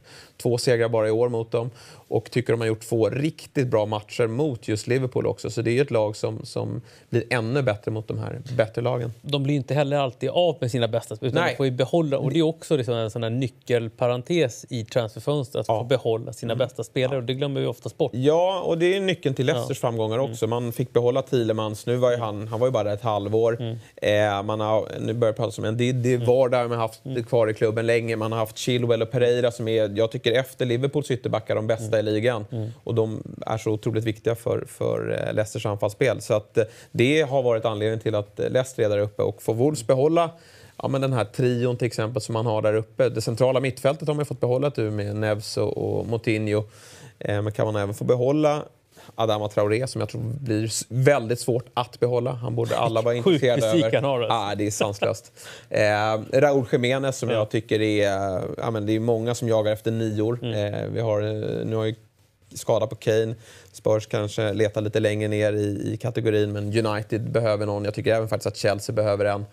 Eh, så borde han vara högaktuell men kan Wolves behålla honom i laget Mm. Så eh, blir man uh, livsfarlig nästa säsong tror jag. Är det Jota som är den tredje gubben där eller? Ja, det är det. Eh, som svensk säger man alltid Jota, så jag undrar vem, vem reagerar du på? Faktum är, men, men faktum är att han har fått sitta lite bänk Ja. här på slutet. De har ju fått in en, en portugis där, Pedro Neto. En Ja. 19-åring som eh, ja, tycker jag gör det bra. i- Ja. Kommer från Lazio här senast som jag tycker gör det väldigt bra. Men ja, det är, Ja. det är Jota som, som, eh, som har den där positionen. Och han, har haft, han var ju lite i fjol så var han ju svag under... Mm. Det var, man pratade ju upp honom inför Premier League-säsongen. Men var svag under hösten och man kände att nej, han kanske är för liten för Premier League. Han har inte fysiken. Men sen Mm. Gjorde han en fantastisk vår. Han har haft lite skadebekymmer här i år men, men eh, hoppade väl in, hoppade in här nu senast så att han- kommer nog få mycket Mm. speltid. Visst är det Jorge Mendes som är involverad i det här också? Vi pratade om ett Jorge Mendes Ex- Exakt. och Det är bara Val- i Valencia också. Ja, Ja, ja, precis. Så att det är liksom två av klubbarna som man eh, har rätt mycket som ingång. Jo, men i, i, precis. I, I Spanien så försöker, i Spanien så försöker han ju få ganska- eh, Rodrigo Moreno till Barcelona samtidigt som han försöker hitta en ersättare till Valencia. men också hjälpa Barcelona med pengar. Han sitter på trippla stolar där. Så det, Ja, det, han styr det mesta. au! Fast det intressanta är ju kritiken de ändå fick li, lite grann att det blev för mycket Mm. portugisiskt inslag i, i, i hela Mm. Men nu är de ju rätt nöjda med det, han, det de har Mm. liksom åstadkommit. Det är ju hans tränare som sitter där och, och, och så vidare. Det är sjukt Det är väl ett plockar in... maxutfall, eh, vad Ja, vad jag det är kan maxutfall, bedöma. Så absolut. det, det, och det gör, maxutfall är alltid spännande. Ja, men det, Sen det om, om maxutfall kan fortsätta vara det, alltså, om det är en överprestation då kanske, vilket inte heller känns som att det är, så så kan det fortsätta, hur länge kan det fortsätta? Mm. Och med, känslan är väl liksom att med Mendes på rätt humör och så potent som han ändå är så känns som att det kan fortsätta ganska länge. Så att jag, jag är just det här att de ska förlora spelare. Jag, jag känner att de kommer bara förlora spelare de vill bli av med. Ja. Ja. Ja, men de plockade in, vi får tänka det, Ruben Neves som var ju en eh, som kom upp i, i Porto vill jag minnas som en jättetalang. Alltså de tog in honom till Championship. Mm. Sen kommer jag inte ihåg om Moutinho också kom in i Championship eller om han kom upp. De tog in honom när, när de gick upp. Men det, det visar ju ändå vilken status och Ja, och sen har det, det har ju varit intresse kring honom. Det har ju pratats om City och de stora ja. klubbarna. Men de, samtidigt så, nu gör ju City bra värvningar. Liverpool är fantastiska värvningar. Men de andra stora klubbarna, de, de, de är ju så kalla med sina ja. värvningar. Så kommer en prislapp på, på 700-800 miljoner, då kanske de ryggar backar liksom. Och då får de bli kvar i den här klubben och bli ännu bättre. Så att mm. Eh, till slut så har de ingen val. Då är det bara upp med yarden och så... så eh, ja, men det finns ju också, vad jag förstår, en... Eh, det finns en lojalitet också mot att, precis som du säger, en del av dem har ju varit med och spelat mm. upp laget mm. och nu liksom går, går ganska bra, eller går väldigt bra i, i, i Premier League. Det finns en lojalitet mot tränaren och liksom hela, allt de håller på med. Eh, och en kärlek till mm. ja, men, Molyneux och till staden och kanske inte hela staden men själva... till Molyneux i alla fall. Ja, Molyneux. Eh, så det, de bor det, över där. Ja, men jag tycker det är häftigt att se att det inte är några som är där och, och tjänar sina pengar och, och sen bara vill dra eh, mm. första bästa erbjudande. Mm. Och en sån som Traoré skulle ju må bra av. Det är, liksom, det är ju först i år som det liksom har, han har mm. fått eh, ja, men slagit igenom. Han har ju alltid varit en, en kvick och snabb spelare med en, på slutet i alla fall, ja. bra fysik. Eh, och man, man ser på statistik, han har ju otroligt att, här, epitetet att göra sin gubbe. Det mm. finns ju ingen spelare som pers personifierar det bättre än Adama Touré. Han kan ju liksom han går ju runt hela tiden och det ser man även statistik på från Championship när han var där nere. Att, eh, han, han, tar sig runt hela tiden och det var ju intressant matchen i matchen. Nu spelar han ju på Robertsons kant som är en av de skickligaste ytterbackarna i världen får man säga, eh, i synnerhet i sin offensiv. Då. Men han hade ju till helvete. Ja, ja. Alltså, det är ju en mardröm. Men såg du den ögonblicksbilden när han var... Han höll på att tappa någon boll centralt i banan och det var tre Liverpool-spelare ja, när han liksom bara... Och de, går, de går ju upp kropp ja, på honom. De, de bara flög därifrån det, det, en efter en. Det är omöjligt. Eh, och sen så liksom började de dra honom i, armen och sen så bort med den. Så, mm. I, i obalans då så slår han bort bollen. Han borde ha fått frispark. Men på grund av att han är så stark så blir det en fördel som inte mm. är världens snällaste Nej. fördel. Så. Men Exakt. Jävligt roligt att se. Det är väl hans, han borde kunna orsaka kanske tio straffar på en mm. säsong känner man. Men han är så stark mm. så att han kommer aldrig ramla. Men han har fortfarande lite att jobba på i beslutsfattandet ja. tycker jag. För att han, han tar lite konstiga skott ibland och, och ibland kan släppa... Han, han, slutprodukten behöver bli lite bättre men det känns ändå som att den är på rätt väg. Assisten här till 1-1 eh, målet är ju fantastisk. Han har ju en mm. fin högerfot. Mm. Så att, och jag är inte förvånad. Klopp tokhyllar honom efter matchen. Eh, Där var också Jiménez. Ja. Alltså hur Jiménez liksom hanterar ja. hela det anfallet ja. är ju... Det är som klass. klass. Mm. Intressant right. att du ja. säger det, att han har ju varit bra faktiskt i den här säsongen. Ja. Alltså han har varit väldigt ojämn tidigare säsonger. Verkligen, verkligen. Mm. Men du, nu när vi har Spanien-experten här, för det är ett intressant läge med landslaget här ändå. Ja. Han, eh, han har ju fortfarande inte valt. Det är Mali och Spanien mm. det står mellan. Han blev ju uttagen, han blivit uttagen till båda, men senast var det Spanien, ja. då var han skadad. I, I november tror jag det var. Mm. Eh, och det är, det är ett EM som stundar. Alltså för mig är han ju han är inte så, han är unik som spelare. Det är ingen som har en sån som Traoré. Men väldigt unik. För, han är inte en spansk spelare på det Nej, sättet. Det kan man inte säga. Han är Men skulle ändå vara väldigt intressant ja. Eh, komplement ja. i en trupp att ha. Ja. För att han är ju... Han sticker ut så mycket. I en, i ett, eh, I en mästerskapstrupp så, så tycker jag definitivt att han hör hemma i. Jag ser ju honom alltså, i en liknande roll som Eh, jag tänker sånt som Jesus Navas jag hade tidigare. Ja. Som sedermera eh, Lucas Vasquez har haft mm. i, i, i, landslaget också. Att man tar in en, en, en, en ytter som, en breddande ytter ja. om man uttrycker sig så. Då. Eh, så tycker jag Adama Traoré har ju mer spetskompetens än, än Lucas Vasquez. Ja, så att i, ett, i en mästerskapstrupp där du ändå behöver olika spel spelaregenskaper och så vidare så tycker jag att eh, det vore oerhört spännande om Spanien... Det är lite därför jag flaggar lite för vår vän Eliasson också i, i, i Bristol City. Som... Eh, går bra. En joker. Han går bra. Han går riktigt bra. Den spelartypen är ju också mm. verkligen unik i svensk fotboll. Men där är också en kille som kan, kan göra sin gubbe och grym slutprodukt. Öser in assister. Och eh, tillgänglig för det brasilianska landslaget. Ja. ja. De kanske hinner före. Ja, när Neymar tröttnar där ja. på vänsterkanten då skickar man in eh, Eliasson. Eliasson. Ja. eh, eh, nu du, Italien. Mm. Oh,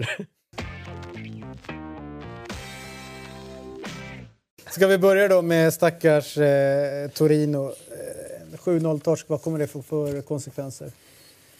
Ja, det är en bra fråga. Nu har de ju kuppmatch på tisdag mot Milan. Så hade de inte haft kuppmatchen mot Milan på tisdag så hade man ju kunnat spekulera i att kanske till och med president Kairo hade tyckt att det här har gått lite för långt och att även han då som president och ägare tappar lite för mycket eh, prestige helt enkelt. Eh, så vi får se vad som händer mot Milan och vad som händer sen. Men han har ju försvarat eh, Mazzarri precis hur mycket som helst. Det gjorde han direkt efter matchen också. Så att nej, nej, nej, det är inte aktuellt med någon för frågan kommer ju upp såklart. såklart. Med, med, och framförallt är det ju på... Man kan inte på det spelar med, ingen roll om man det... Man får inte torska med 7-0. Nej, det, det existerar inte. Och inte på hemmaplan.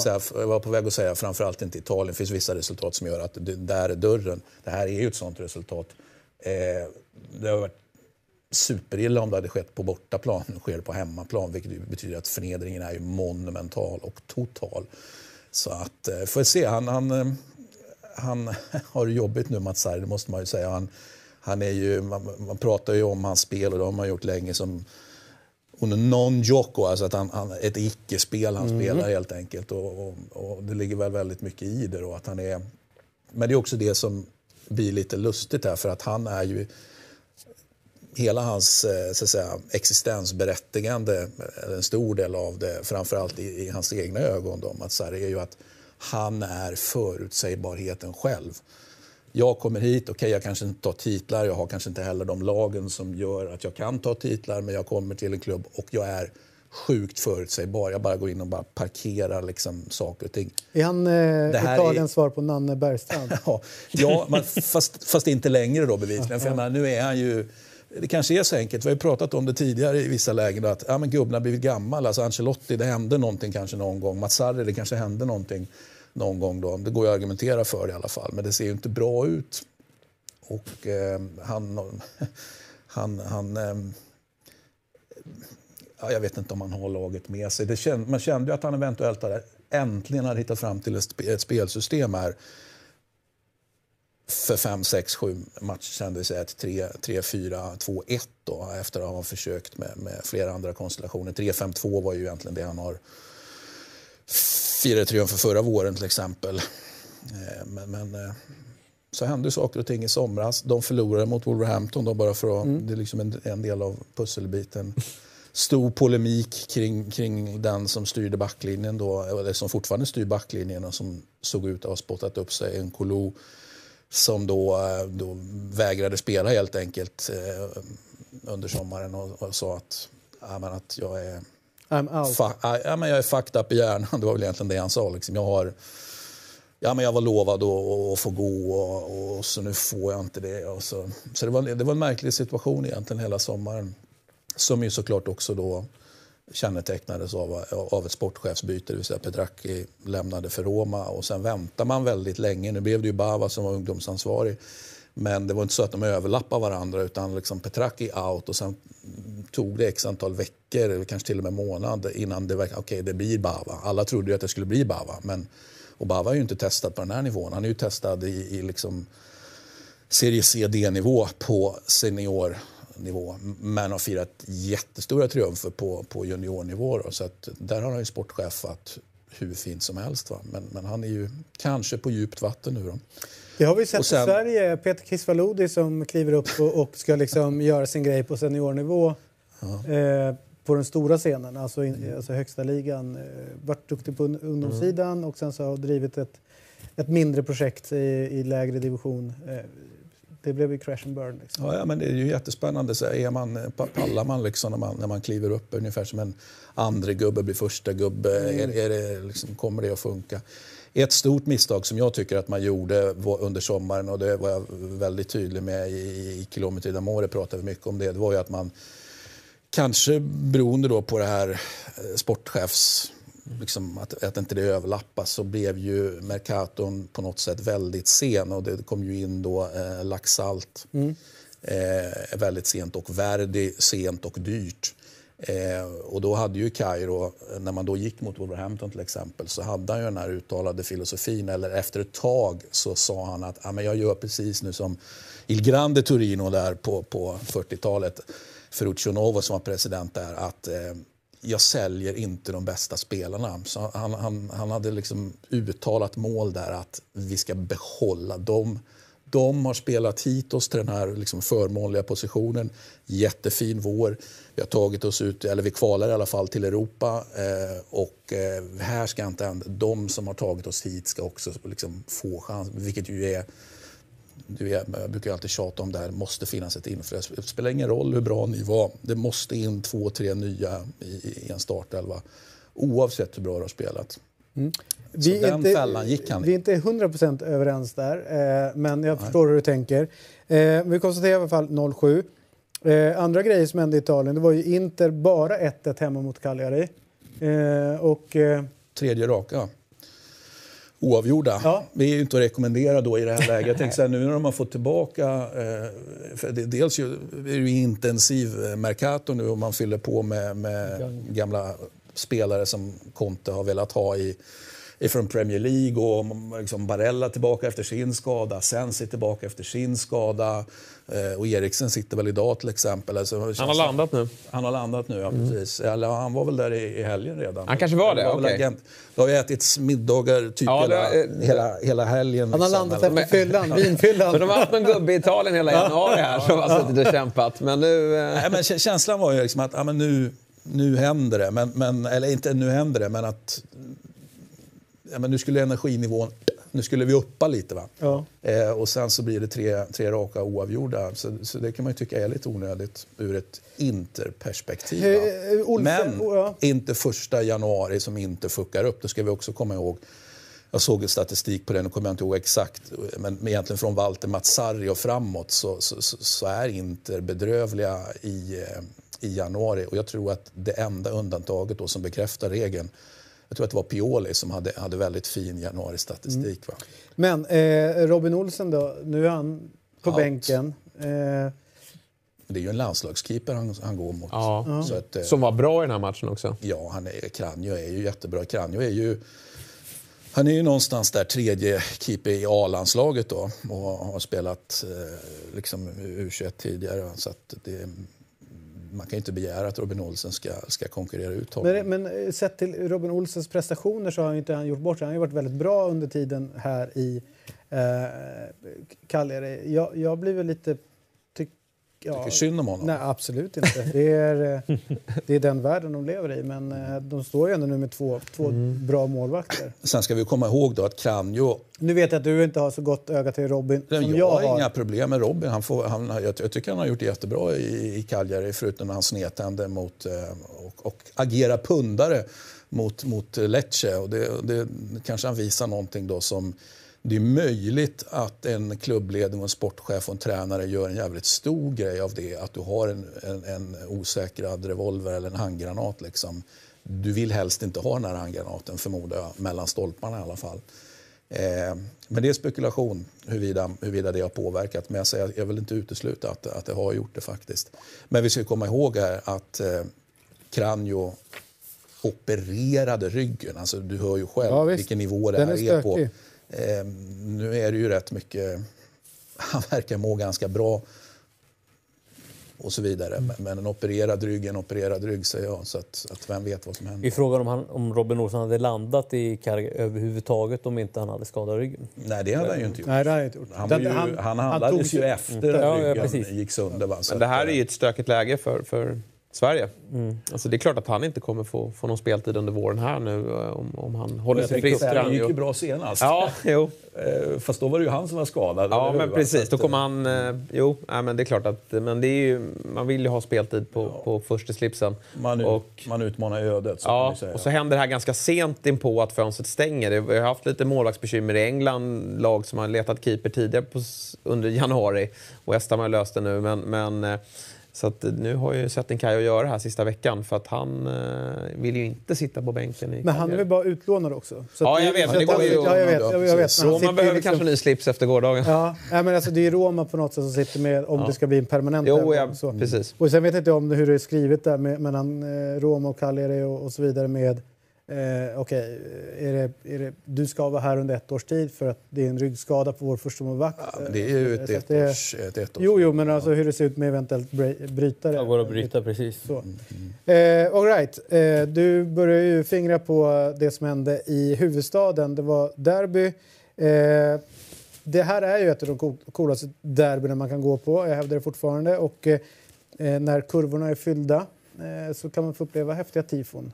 Eh, här har vi bild på Lazios eh, tifo. Eh, mäktigt. Och vi ska också kolla till Romas. De jobbar lite samma stylish denna, denna gång. Eh, så. Eh, de båda kurvorna. Vad står det längst ner där, du som kan... Ja, den här, vad säger man, Quest klubb, och stämma klubbmärket har vi i... Venerna. i, i våra, venerna, och våra ådror. I ådror, ja, ja, precis. precis. Ja. ja, men det är väl härligt. Och nu är det vargen och Och alltihopa. det här, eh, precis, det här. Och det blev ju ett derby där målvaktsprestationerna på något sätt, eh, eller ska vi säga icke-prestationerna sticker ut. Eh, två stycken riktiga Rembrandt eh, som, eh, vi, jag- som vi bjöds på. Det är väl härligt? Men jag måste, jag, jag måste få fråga en sak. För jag, jag blir inte klok på ena... Alltså, jag, jag blir klok på Strakosha. Jag, jag, jag vet exakt vad Strakosha gör. Eh, Paul Lopez däremot, när jag, när jag ser den liksom i realtid, då känner jag att, vänta nu, är inte bollen bakom linjen redan och boxar? Alltså jag får en känsla att han boxar ut den på plan igen. Och sen eh, kom det reprisbild, men det kom ingen riktigt bra reprisbild. Så att jag, var- om ni har sett det? Ja, jo, absolut. Ja, men vad, Nej, men är, är man- bollen ute? Ja, men borde man inte ta det på VAR då? Ja, jag bara känner Ja. vid VAR-tid att, Ja. att ja, men snart kommer vi ha en bild här med, med Ja, dragna men exakt. Jag tyckte också det kändes utanför. Och det kom, det Nej. kom inget streck. Liksom. Så jag, men, men med det sagt var det ju inte bra Paul Lopez. Men, Nej, men, det är och, och så som han tar sig an situationen. Han ser helt... Mm. ser ut som han skiter i det. Var det, en bra, var det ett bra derby? Jag, jag, Jag om jag var bara får säga att Ja. jag, jag fick ju känslan när jag såg derbyt att eh, eh, jag, jag fick eh, känslan av att det var gammal god, ett, ett derby i gamla goda tider. Mm. Så. Det enda som saknades var ju Totti. Totti. alltså om jag ska riktigt ärlig. Det var ja, det. Jo, det, det finns ju några spelare. Så här, men Nej, men alltså, bortsett från det var det ju ett, jag tyckte det var ett jättefint... eh, Och det var, det var som, så som man, om det är känsla eller om det finns statistik på det, jag är helt övertygad om att det gör det. Men, ja, men det är klart att man kände att ah, men här är ju ändå ett, ett formtoppat Lazio-favorit. Och, och nu fick vi ju eh, skador i veckan på Diawara till exempel, som vars lov vi har sjungit. Eh, och det grövsta. Han gick kristant in där och bara var och, och levererade ju rätt hårt. Eh, med det sagt, favoriten Lazio, eh, men det var ju Roma som imponerade. Sen imponerar ju Lazio i att man inte förlorar matchen när Roma spelar så pass bra som Roma faktiskt spelar. Intressant också med Roma, om man tittar på som bredden som de har. Att de har eh, två nya ytterbackar. Alltså de har ju både Kolarov och eh, Lorenzi. Florenzi på, på bänken och väljer att spela med Spinazzola och Santon. Det är Det skaplig som är bredd. kul med, med Spinazzola, han var ju med i den här väldigt uppmärksammade icke-övergången då, det som då nästan proklamerades, inte som officiellt klart men ändå som klart och de var på läkarundersökningar hit och dit och sen så sket ju sig eh, och vi kan, vi behöver inte prata mer om det nu men, men det finns ju... Är en icke-övergång också en övergång? Ja, ja precis. Eh, sen, sen hur bekväm jag är med att du citerar Ulf Lundell, det är en annan femma. Men det där är ett bra citat. För att vara Ulf Lundell är ett jävligt bra citat. Eh, nej, men det var kul. Spinazzola var ju en del av det och Politano var ju en annan del. Och nu verkar det som att Politano då sitter idag också faktiskt. Det vill säga att det faktiskt blir en flytt till, till Napoli då, som var ute efter honom eh, tidigare. Så, så, så om vi kan få spelarna lyckliga. Jag, jag, jag är ju en vänlig själ så jag vill att de ska vara lyckliga. Eh, och Spinazzola då, eh, var ju en, en annan del i den här icke-övergången. Och man kan ju tänka sig att man får en mental smäll där. att fan, är det med, livet suger. Vad är det för jävla fotbollsliv jag har valt? Liksom. Han har ju svarat på det, Spinazzola, med klockrena insatser nu när han har fått eh, speltid. Så, alltså, bra gjort Spinazzola, säger jag. Det är ju en fin fotbollsspelare, jag- men med lite skadehistorik. Får jag nämna en grej? För, eh, Ciro Immobile har gjort sina mål. Han har gjort my- mycket mål och sådana saker. Eh, och så pratar man om att landslaget nu, man bygger runt honom och, och, och så vidare. Jag har en liten grej, och jag, jag har ingen statistik på det, bara en känsla. Men låt, Känsla låt, är viktigt. ja, låt mig bara få kasta upp den. Är han inte svag i de stora matcherna? Alltså när det verkligen, verkligen gäller. Mm. Typ det är här han ska kliva fram för att bli odödlig. På riktigt. Inte Eh, bara spruta exakt. in mål. Utan Tre mål i en, en mindre viktig match är, är, är inte lika intressant. Jag håller, jag håller med. Och vi sitter ju bevisligen i samma båt. Jag vet inte hur, hur er båt, er Immobile-båt Nej, ser ut. Va? Men, men jag känner, det var någon, eh, jag hade en diskussion på, eh, på Twitter med någon som sa att ja, men, det är ju, det är ju som, liksom, ja, men det ju som Signori back in the days. Ja, men det är Ja. exakt så det är. Va? Skytteligatitlar och du är kung i Lazio, eh, råkar du vara i det här fallet också.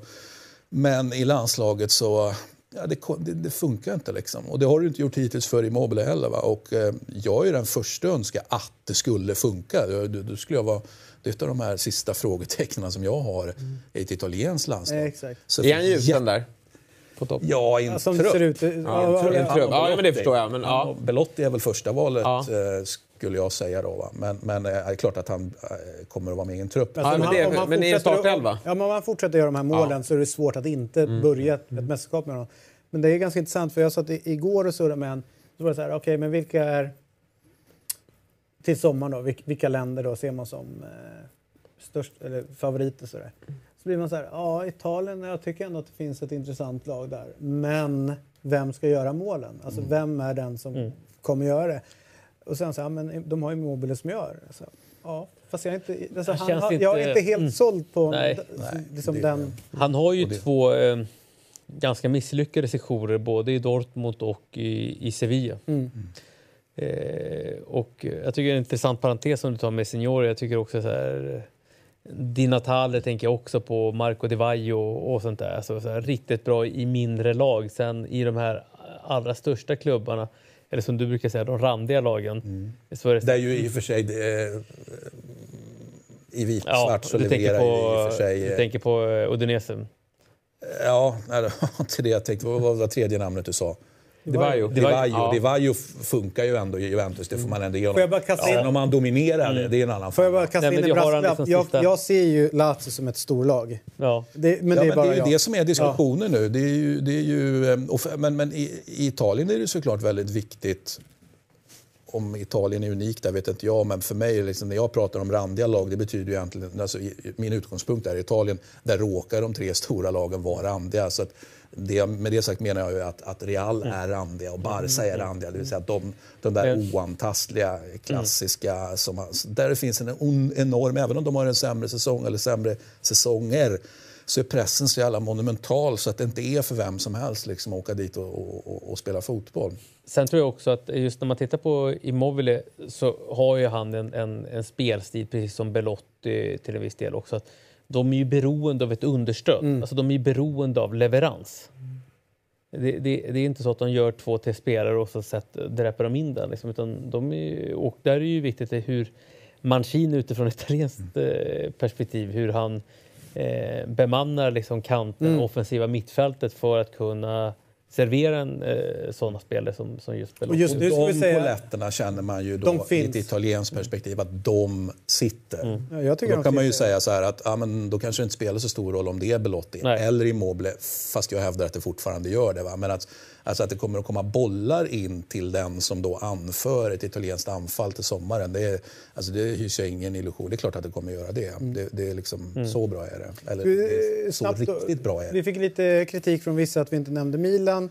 Ja, det är jätteintressant med Zlatan. Vi kommer prata väldigt mycket Zlatan. De mötte Brescia i, i helgen och det var, det var, det var jobbigt Fredag. att se, eller i fredags, det var jobbigt att se ett, ett randigt lag ha så stora problem med Brescia.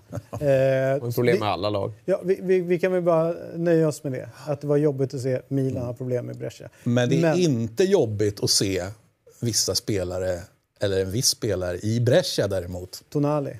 Jag vet inte om du såg matchen. Jo, jag men, såg matchen. men Jag tycker han är... eh, Jag tycker att han är... eh, det är, en, det är ju en, det är Ja, men han är en, han är en av dem som, som skulle kunna vara den som förser boll på boll på boll till den som är där längst upp. Ja, att, och, och sen... eh, Men sen är kan man ju Juventus diskutera- är väl... eh, Ska han starta? Det är liksom, är du med? Jag kan ju tycka, ja, men låt han starta? Men han är så ung och allt det där. redan innan Tonali så att säga, visade sig vara så bra så satt ju det italienska tremannamittfältet. Men han ska in. Alltså det, det är lite... Ja, Ja, jag, han är så jag, bra tycker jag. I hear you, I hear you. Och ingen älskar honom mer än vad jag gör. Men, men jag säger så att det är inte supernödvändigt att han är med i en startelva. Kanske. Jag, jag, jag vill ju se honom från start. Mm. Där. Viktigt är däremot att han stannar i Italien. Det, Och inte gör Verratti. det låt, lutar ju åt. Visst är det så att Ju- Juventus är och, och, och tittar på honom? Så. Ja, de, Just- de randiga tittar ju på Ja, honom. eller Det, Juventus är ju det är en av de här unga spelarna då som de vill bygga upp för framtiden. Så är han en av dem. Skitsamma, vi går vidare eh, till eh, det som händer nere i Neap Neapel. Eh, en, eh, vi börjar med en banderoll från, eh, från kurvan riktad mot Sarri. Och här behöver vi din hjälp. ja, men det, ja, vad är det då? Gobbo, Mm, Bastardo, Sarri. Det, det, ja, Gobbo är ju, är ju det eh, inte så smickrande smeknamnet på, på en Juventino helt enkelt. Och Bastardo är ju, är ju ja, bastard, en bastard är ju en bastard, det vill säga Oäkting. oäkting helt Ja. enkelt. De är ju förtvivlade såklart över, för han, han ledde ju motståndet. Det är ju så, Sarri ledde motståndet mot Juventus. Han var liksom inte bara så att säga, krigaren på, på, eller han var ju bevisligen krigaren, ledaren på, på slagfältet, men han, han kändes ju också som en ideologisk eh, liksom, alltså motståndare även där, kanske nog så viktigt. Så att, så att, och att han då sitter på den bänken han sitter. Må- Många är ju förtvivlade såklart va? och, för, förbannade, absolut, men också förtvivlade. Liksom känner ju att det är ett eh, spelare, ja, men de, de, de kanske kommer och går och vi var förbannade för Higuain och det var, det var liksom förjävligt. Men graden av att ha förrått någonting eh, är ju ytterligare en nivå med Sarri. Det, det är ju deras fasta övertygelse och jag kan väl någonstans ansluta mig till det. Liksom. Har du lett motståndet mot någonting och gjort det till en, så att säga, en överordnad kamp någonstans, eh, då kanske inte du ska byta sida. Fast det har han gjort. Inte speciellt framgångsrik hittills. Eh, hävdar jag, och jag vet att det är många där ute som, som tycker annorlunda runt om man ser poängskörd eh, och, och, och så vidare. Och så vidare. Jag kan väl två reflektioner i den här matchen. Det ena är, jag tycker inte att Juventus hängde ihop. Eh, var det er som såg matchen? Nej, jag såg inte matchen. De hänger inte ihop. Det, det ser inte ut och de är inte synkade när de pressar. Eh, Det är ganska stora hål mellan, i, i lagdelarna. Eh, Det Nu blev ett älskar ganska väl kramp... inte Ronaldo att pressa. Nu älskar väl inte Dybala att pressa. Higuain kanske Nej, och det är eh, ganska- pressar och fast det- orkar inte pressa. Och Eh, de är ju... Menar, det- är liksom en ögonblicksbild när Bonucci har... Alltså, eh, Napoli står högt med backlinjen. Det är ett jätteläge att slå den bollen bakom. Alltså det, är, det, är ett, det är ett sommarlov av eh, liksom, yta och tid bakom eh, backlinjen. Perfekt att sticka in den bollen alltså, med hans fina högerfot. Ingen är där. Det finns ingen som är där.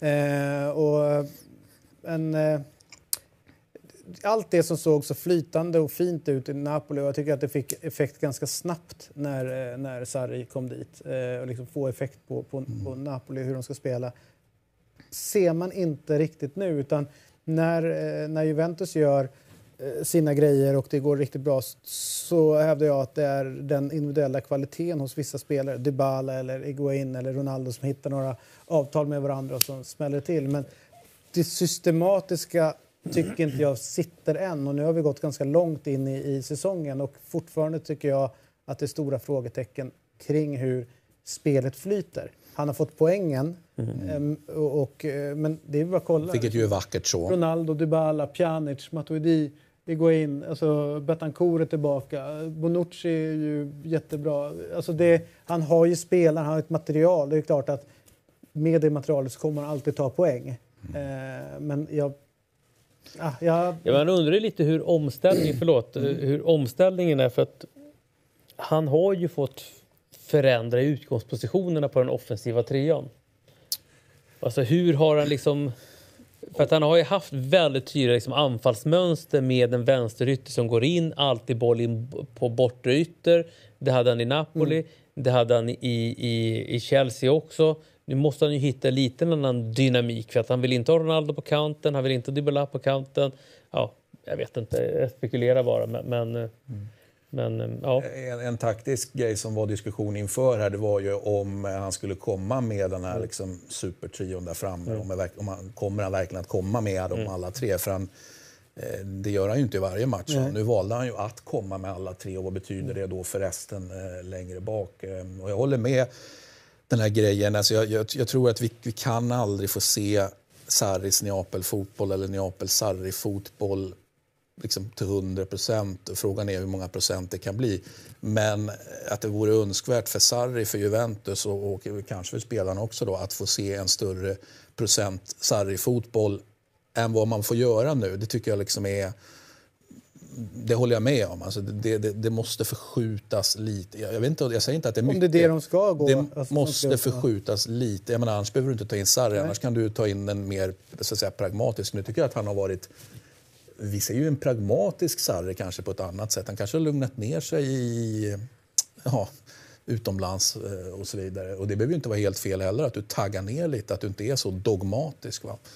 Eh, sen kommer han ju alltid kännas dogmatisk i alla fall. För han är Sarri och vi har vant oss vid att eh, han, han, är den mest dogmatiska av alla, typ. Men vi får se. Det, samtidigt behöver det inte se bättre ut. Alltså, vi, vi kommer in på våren nu. Säger ju själv liksom att man får med sig, eh, har fått med sig poängen. Det är bara två förluster i, i, i ligan.